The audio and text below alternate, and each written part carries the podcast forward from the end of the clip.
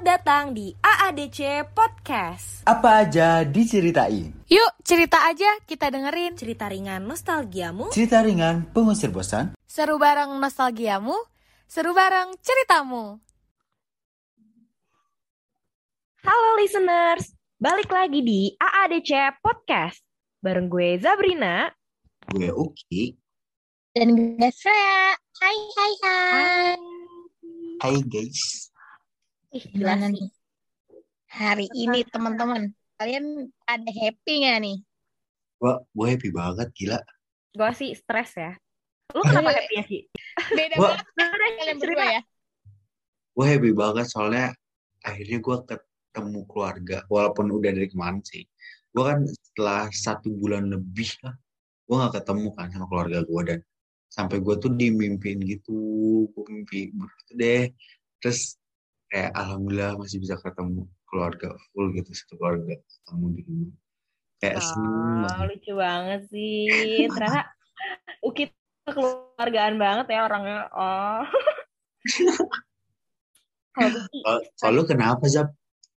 gue tuh gue kan udah liburan ya teman-teman tapi tuh kayak tugas-tugas di luar akademik gue kayak organisasi gitu-gitu nggak kelar-kelar gitu ya gue kayak stres gitu gue liat Google Calendar tuh pengen nangis tuh gak sih kayak terlalu banyak Oh. warna terlalu banyak garis ah gila pusing banget Setuju banget, Zam. Kayak, anjir tadi gue kapan liburannya, say? iya pening banget ya sih. Kan kadang pusing gak sih guys? Maksudnya waktunya liburan nih have fun, yang lain udah pada ke mana ya sama keluarganya. Kita di rumah. Bukannya nggak bersyukur nih ya Zep ya. laptop Bukannya nggak bersyukur, tapi kayak Hmm. agak pengen liburan juga gitu. Cuma kalau keluarga kalian tuh tipe yang uh, sering quality time gitu nggak sih? Kayak misalnya liburan, jalan-jalan keluar gitu, atau tipe yang udah nggak usah, nggak ada bedanya gitu liburan sama enggak gitu. Om, Kalau- sih oh Ki dulu Kalau deh gimana? silakan. Oh gue dulu. oke Kalau gue sih jujur gue tuh jarang keluarga gue jarang jalan-jalan gitu loh. Karena eh, bokap nyokap gue itu sibuk banget.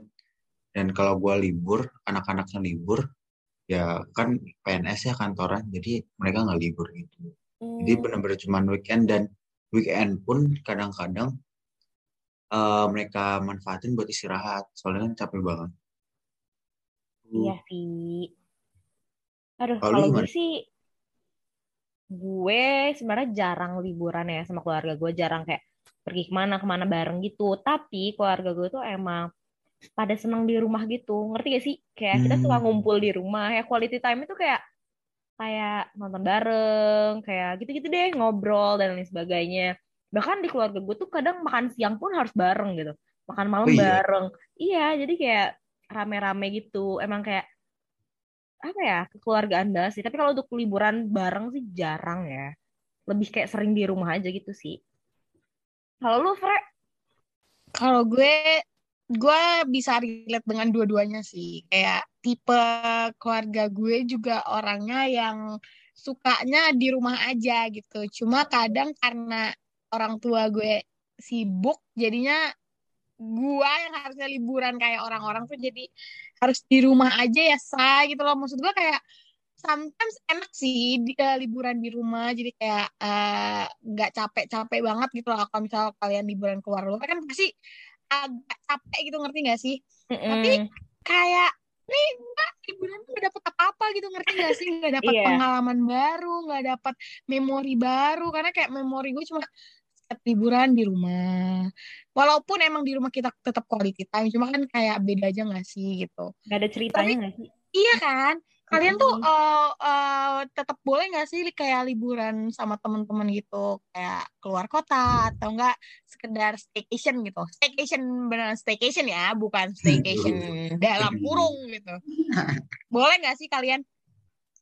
Kalau gue Aduh, dari tadi gue sama Uki kayak rebutan ya, Ki. ya. Tapi lu dulu deh, lu dulu. Eh, tapi kayaknya lo gak bisa jawab karena gue tahu jawaban lo pasti nggak boleh Iya nggak sih? kan? Listener kalau dengerin episode-episode sebelumnya pasti tau lah jawabannya. Iya sumpah. Kalau Uki gimana? gua- Masih boleh?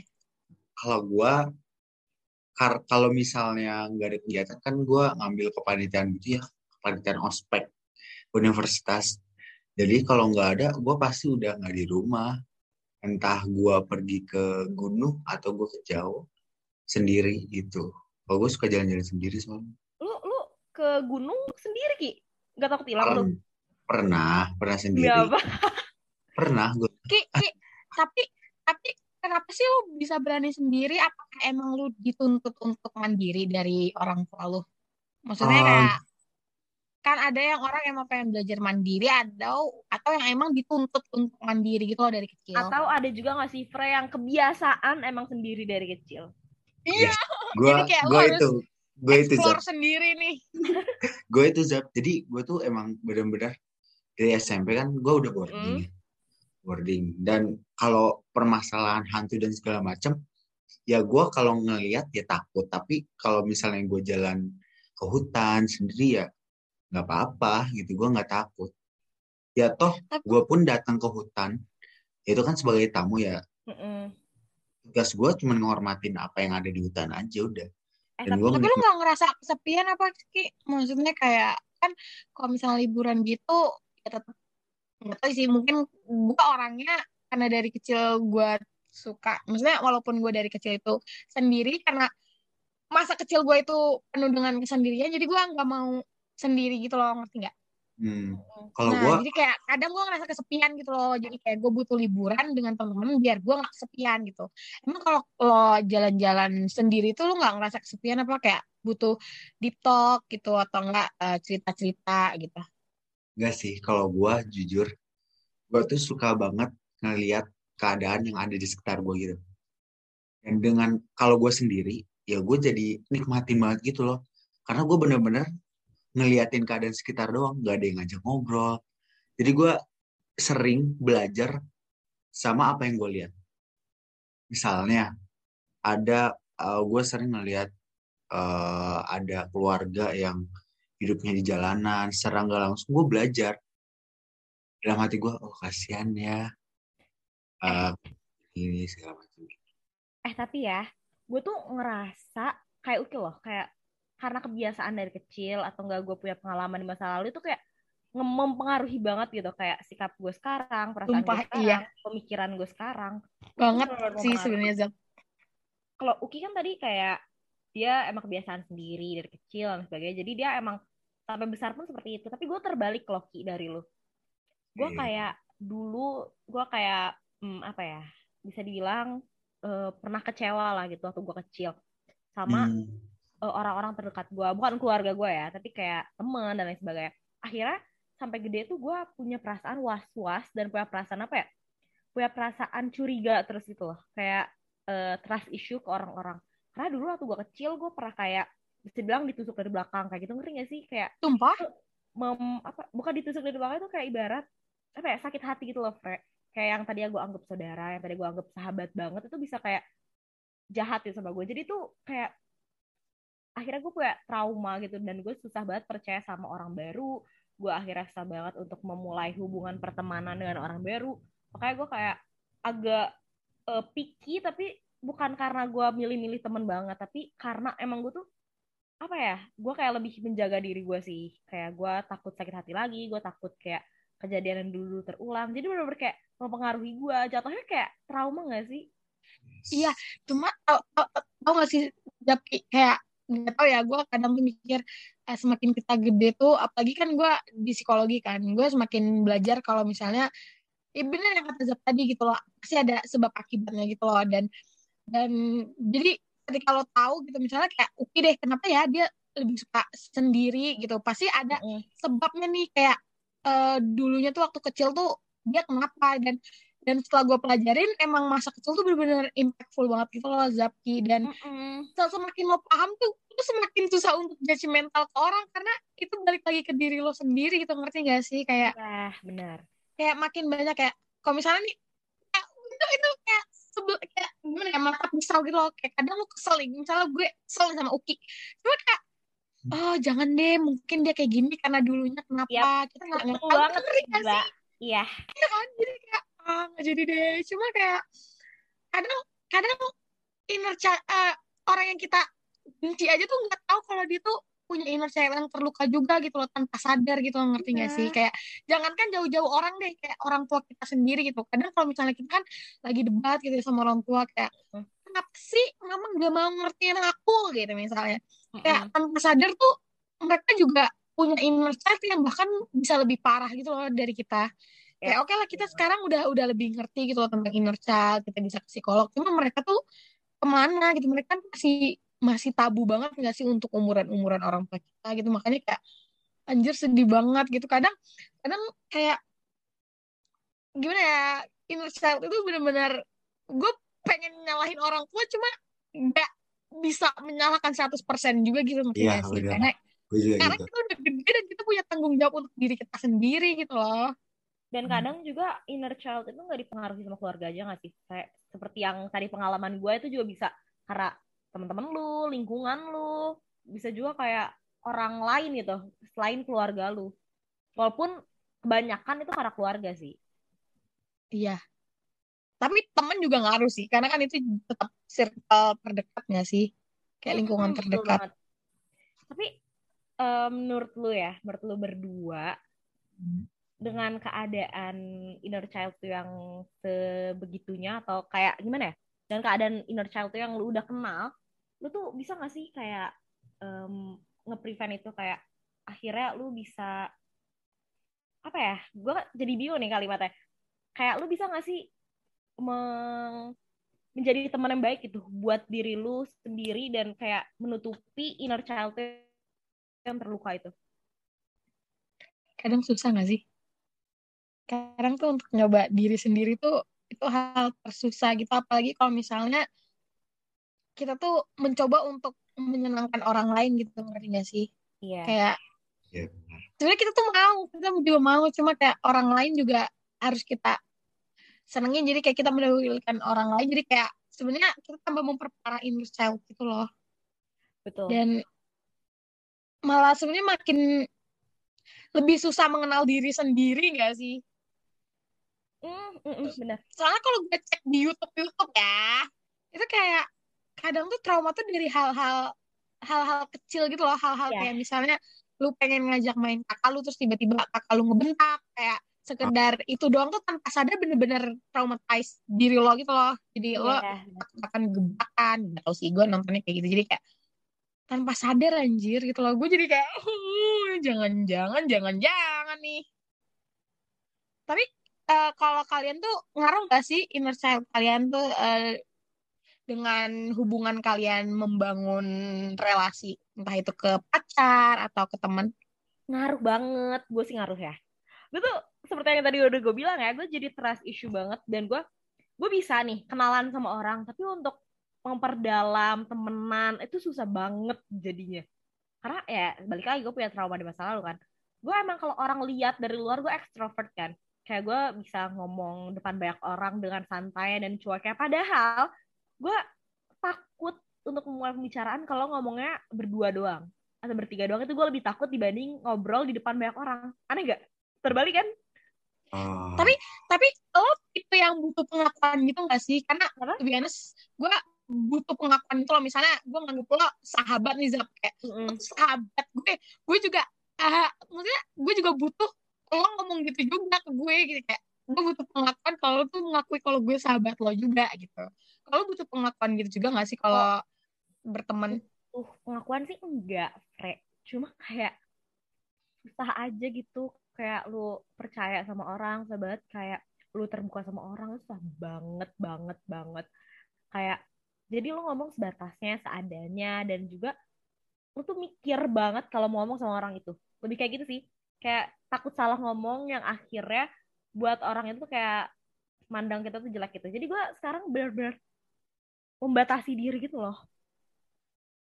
tapi jadinya ini gak sih kayak menghambat diri kita sendiri Hmm, gak sih bener banget, bener sih. Gue cuma ya namanya juga trauma ya maksudnya kayak siapa yang mau juga gitu tapi gue bisa ini sih bisa bisa apa ya tahu situasi dan keadaan gitu loh gue kalau misalnya itu kayak hubungan profesional gue ya profesional gue bisa gitu untuk nge-explore dan sebagainya. Tapi kalau ya emang untuk beneran jadi temen doang temen main temen ngobrol itu susah. Tapi kalau misalnya kayak temen kerja atau temen ah temen apa pun itu itu gampang. Tapi kalau misalnya temen ngobrol susah banget anjir. Padahal kan orang terbalik ya. Biasanya orang lebih gampang untuk cari temen kayak ngobrol teman main daripada teman kayak profesional kerja dan lain sebagainya. Tapi gue terbalik Fre. Gue lebih takut sama orang-orang yang bakal jadi teman dekat gue dibandingnya sama teman-teman yang kayak teman kuliah atau teman kerja dan lain sebagainya aneh banget. Karena karena susah nggak sih kalau misalnya lu udah udah punya kecewaan gitu sebelumnya punya trauma akan kecewaan itu sendiri. Mm-mm. jadi kayak bangun hubungannya juga udah berat nih percaya sama orang udah susah pak gitu. Kalau lu gimana nih lu dari tadi diem aja apa jangan Oh. lu netes nih meneteskan air mata. Aduh, gue asli jadi kepikiran sih.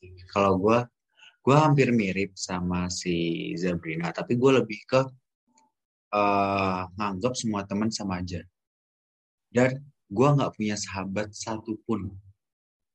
Gue nggak ada teman dekat satupun, nggak ada sahabat satupun. Itu eh kenapa gue memutuskan gak punya sahabat karena gue dulu SD punya satu-satunya sahabat inisialnya adalah pokoknya M lah. Nah ya terus terus? terus dia tuh benar-benar sahabat iya sampai kita dibilang kayak pasangan gitu deh. Padahal masih SD loh. Tapi udah udah pada kenal cinta-cintaannya nah Terus? terus dia pindah. Dia pindah ke luar negeri. Ada di salah satu timur eh, negara timur tengah. Dan gua ngerasa kehilangan banget tuh. Gua ngerasa kehilangan banget dan setiap ada orang yang pengen ngedeket pengen menjadi pengganti sahabat yang gue dulu itu gue nggak akan terima lagi gitu loh. Kayak ah enggak ah nanti lu juga pasti bakal pergi. Gitu. jadi gue tapi benar-benar lu masih punya hubungan sama orang itu? Sampai udah sekarang? enggak udah enggak kayak udah kekat aja gitu Berarti loh. bener-bener gak ada yang bisa menggantikan gitu gak sih? Yes nggak ada yang bisa dan gue udah nggak percaya aja sama yang namanya sahabat gue yakin Kenapa? tiap Kenapa gue tiap mikir kalau misalnya nggak ada orang yang bisa menggantiin dia, emang nggak memenuhi aspek apa lu gitu. Misalnya kayak gue, gue karena gue masa kecil gue buta kurang kurang diapresiasi sama orang tua gue. Jadi gue ketika temenan tuh suka dengan teman-teman yang memberikan apresiasi ke gue gitu loh kayak, iya lo lo lo eh, lucu banget Frey gitu. Sekedar itu aja gue gue suka gitu. Makanya gue tetap teman dengan orang-orang gitu. Dan kenapa lo beranggapan bahwa nggak ada nih yang bisa gantiin dia. Emang apa sih yang lu butuhin dari dia yang orang lain tuh nggak bisa menuhin gitu? Mm-mm. bukan bukan nggak ada yang bisa gantiin sih lebih ke ya buat apa punya sahabat kalau nanti pastinya bakal pergi suatu saat nanti gue mikir gitu kayak apa ya teman bahkan temen deket pun bisa nikung gue gitu loh Eh, tapi Itu emang beda. susah sih saat lu Iya, udah sayang sama orang, lu udah merasa klop sama orang, tiba-tiba orang itu ninggalin lu. Itu emang apa ya?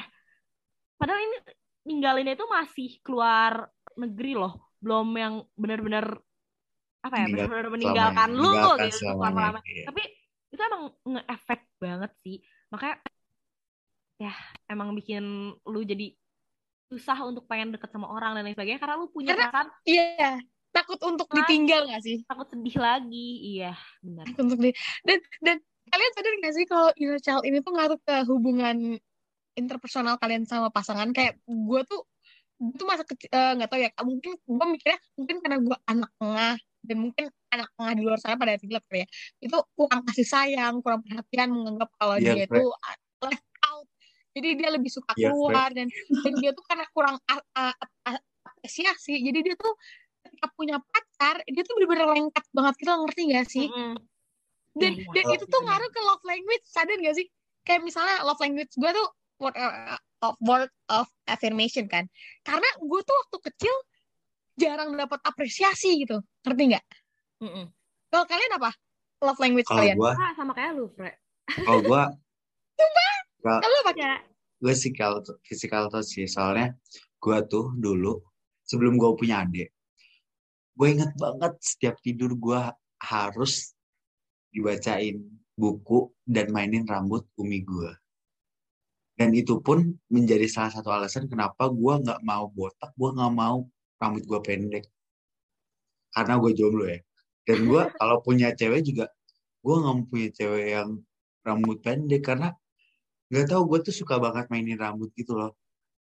Hmm, dan Ini feel-nya udah udah sedih, lo malah Jadi- buat kayak kayak ini gak sih? Berarti sebenarnya juga selain mempengaruhi uh, perilaku lu inner child juga kayak mempengaruhi preferensi gak sih?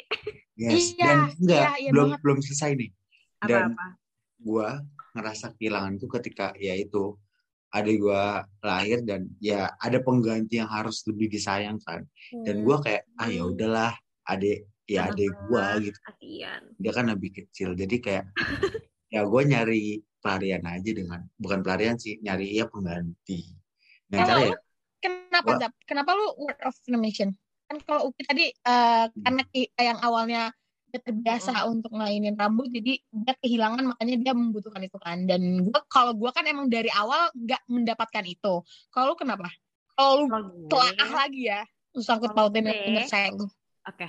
Inner child kan kalau misalnya kita lihat kita baca dan kita pelajari itu bukan tentang pengalaman buruk aja. Bener gak sih? Kayak pengalaman baik pun bisa mempengaruhi perilaku di masa depan. Nah gue tuh dari kecil ya seperti yang kita omongin di episode sebelumnya ya kalau misalnya gue kan anak bungsu jadi gue kayak diperhatiin banget itu sama keluarga gue dan kayak keluarga gue tuh emang suka appreciate kayak setiap pencapaian gue selalu kayak misalnya kayak dikasih hadiah atau enggak kayak dirayain kayak gitu-gitu. Nah jadi gue kebiasaan ngerti gak sih? Kayak gue tuh pengen orang lain tuh juga memperlakukan gue kayak orang kayak keluarga gue memperlakukan gue juga. Kayak gue pengen mereka beneran apa ya kayak meng apa sih mengakui gitu dengan hal-hal yang gue capai. Makanya gue love language-nya itu kayak gitu sih. Karena emang kebiasaan dari kecil dan kayak emang apa ya balik lagi kan karena inner child gue dan itu juga emang inner child kan nggak dari pengalaman buruk aja tapi dari pengalaman baik juga. Dan banyak kan orang yang ngira kalau inner child tuh opposite aja kayak kayak kebalikan. Misal lu dulu dicuekin lu jadi pengen perhatian. Tapi enggak juga nggak sih? Banyak juga emang karena lu dari kecil kebiasaan sendiri kayak Uki sampai akhirnya sampai gede pun lu kebiasaan sendiri. Ya kayak gitu sih. Karena kebiasaan sih I see, I see. Makanya tuh kadang gue mikir keluarga, lu punya keluarga atau punya inner child yang penuh dengan kebahagiaan itu privilege juga gak sih? Karena Iya. itu bener-bener impactful banget apalagi masa-masa TK, masa-masa SD gitu loh. Kayak walaupun itu susah untuk diingat, cuma kayak kalau itu penuh dengan kebahagiaan itu sangat berpengaruh ke masa sekarangnya gitu loh. Jadi kadang kalau misalnya lo bilang lo nggak punya privilege tapi lo, lo, apa ya tumbuh dari keluarga yang positif menurut gua itu udah sebuah privilege nggak sih anjrit? Kayak lo kurang bersyukur bocet ya sorry sorry. Ya walaupun kita nggak tahu ya mungkin nggak dalamnya kan rasa kesepian. Cuma kayak kadang itu harus disyukuri juga Jin. Nggak semua orang dapat makanya untungnya keluarga gue tuh kayak kayak gitu Fre. bayangin aja kalau misalnya gue punya trust issue ke temen ke orang eksternal dan gue punya trust issue juga ke keluarga itu bisa gila gak sih? Kesepian banget. Sumpah ya dan kadang lu pernah nggak sih eh, diceritain maksudnya kayak temen cerita ke kalian terus kayak karena kalian tuh mm, masa kecil kalian tuh nggak separah mereka jadi kalian tuh kurang relate gitu loh ngerti gak sih? Kayak jadi kalian tuh bingung ngasih saran yang kayak gimana? Takutnya kayak ya lo enak deh keluarga yang baik-baik lo ngelakuin masa kecil lo dipenuhi dengan kebahagiaan. Kan di dibalas dengan kayak gitu ketika gue ngasih saran. Makanya kayak nih gue harus balas apa nih? Soalnya kan kalau inner child kan kita nggak bisa minta nggak sih? Maksudnya kayak kita emang udah cara didik orang tua beda-beda. Tapi Fre kalau dari segi psikologi ya karena lu anak psikologi gue pengen nanya sih gimana sih cara nyembuhin inner child yang emang udah kayak terluka gitu Fre. Waduh pak. Berat banget pak. Gue baru semester 2 pak. Eh siapa tahu. Siapa tahu emang lu dari dulu emang suka tentang kesehatan mental dan sebagainya jadi lu tahu gitu. Mungkin gue cuma bisa jawab ini sih kayak ketika lu sadar ada yang salah dari diri lu gitu ngerti gak sih? Pasti kalian pernah ngerasain kan kayak eh kayaknya seharusnya tuh respon gue tuh nggak kayak gini deh. Misalnya kayak kenapa ya? Gue tahu terikat sama orang atau enggak? Misalnya kayak kenapa ya gue selalu merasa kesepian? Kalau kalian udah ngerasa ada yang salah dari diri kalian? Menurut gue cepat-cepat datang ke ini sih profesional sih. Kenapa gue mikir profesional? Karena kalau cuma sekedar temen itu malah takutnya bisa nambah trauma baru gitu loh. Ntar kayak pertama responnya takutnya kalian memberikan ekspektasi kepada teman kalian yang bahkan teman kalian itu nggak relate dan bingung untuk ngasih apa jadi kayak peruntukan ekspektasi kalian. Jadi kalian malah tambah kecewa. Kedua takutnya kan kalau misalnya kita udah cerita di talk itu kan berarti kita kasih kepercayaan dong ke mereka. Hmm. Oke lah kalau misalnya kita cerita ke orang yang pas, kalau misalnya ceritanya ke orang yang salah dan rahasia kita dibongkar ke mana-mana kan malah tambah trauma nggak sih? Dan jadinya yang udah parah jadi tambah parah gitu loh. Makanya gue mikir eh kalau misalnya kalian ada hal yang kayaknya kurang pas dari diri kalian, cepat ke psikolog atau psikiater sih. Karena kita tuh generasi kita tuh udah mulai terbuka gitu akan kesehatan mental, terus kayak jangan mau jangan jangan terus menerus nyalahin orang tua karena tanpa sadar orang tua juga punya trauma mereka masing-masing gitu dan karena kita udah besar kita punya tanggung jawab penuh akan diri kita sendiri gitu. Oke lah kita eh, masa kecil kita orang tua kita ngedidik kita tuh nggak baik nggak benar gitu. Eh, kurang kasih sayang kurang perhatian. Tapi kan kalau pas gede kan kita bisa nih untuk menolong diri kita sendiri dengan datang ke psikolog. Ya walaupun emang butuh cuan sih guys. Cuma kan itu bisa diatasin lah pakai BPJS dan segala macam sih. Karena kayak kayaknya mulai ini sih aware lagi sama diri sendiri. Apa tuh? Tapi ya jujur gue eh, agak sedih sih bahas kayak ginian. Gak tau kenapa gue jadi kayak flashback masalah-masalah gue yang dulu. Gue jadi kayak merasa ya ampun ternyata gue keren juga ya gue bisa ngelewatin hal-hal itu dan sekarang gue Iya kayak lagi. kayak Iya. bisa apa ya bisa dengan bangga ceritain hal itu di podcast ini bahkan itu sesuatu hal yang menyakitkan gitu tapi akhirnya gue bisa open ke kalian gue agak agak bangga sih sama diri sendiri tapi sekaligus sedih juga paham gak sih Apa ya? eh bawaannya jadi melo gitu nggak sih? Kayak aduh. auto nangis gak sih ini? Sebenarnya muka gue udah berkaca-kaca cuy. Gue suara gue udah bergetar anjing. Ada kayak Allah sebenarnya ini sih kadang kadang yang kita butuhin tuh mending kita mengenali diri kita sendiri dulu aja deh. Jangan jangan jangan memaksakan diri untuk mengenal orang lain dulu. Mending ke diri sendiri dulu. Kayak kita mulai paham yang menurut gue penting satu orang maksudnya satu hal yang orang-orang lupa itu jangan lupa bahagia sih. Ketika kalian bahagia walaupun kalian punya trauma cuma ketika kalian positive vibes itu kayak itu dapat membantu kalian untuk proses healing aja gitu menurut gue gitu. Jadi kayak kadang kita terlalu fokus ke lukanya gitu tanpa sadar itu tuh nggak membantu untuk menyembuhkan gitu malah tambah memperparah. Jadi kayak coba untuk ikhlas walaupun emang berat. Jadi kalau emang butuh bantuan segera ban- minta bantuan ke profesional. Cuma kayak dari diri kita sendiri juga kita harus mulai uh, lebih one step lebih baik gitu loh. Jadi kayak mulai lebih bahagia terus kayak mulai ikhlas mulai cari hal-hal yang positif kayak gimana sih cara untuk nggak mengingat-ingat hal-hal traumatis kayak gitu. Hmm. Menurut gue I think profesional itu udah langkah penting sih. Ini daripada ini suara gue makin bergetar nih. Ini air mata gue turun. Kita udahin aja kali ya. Ini gue udah mulai mulai bener-bener mellow say. Kayak uh, deep banget ya topik kita malam ini. Udah, mungkin udah dulu kali ya listeners episode malam eh, hari ini. Sampai jumpa di episode selanjutnya. Gue Uki. gue Zabrina dan gue Freya see you di next episode bye bye jangan panik Jangan risau. Karena kita AADC. Hai listeners, kamu punya cerita tapi bingung mau cerita ke mana? Yuk langsung aja DM ke Instagram at Podcast Kampus dengan hashtag ceritain dong. Biar nanti setiap Selasa sore kita bacain respon dari kalian. Jadi, stay tune terus ya di ADC Podcast.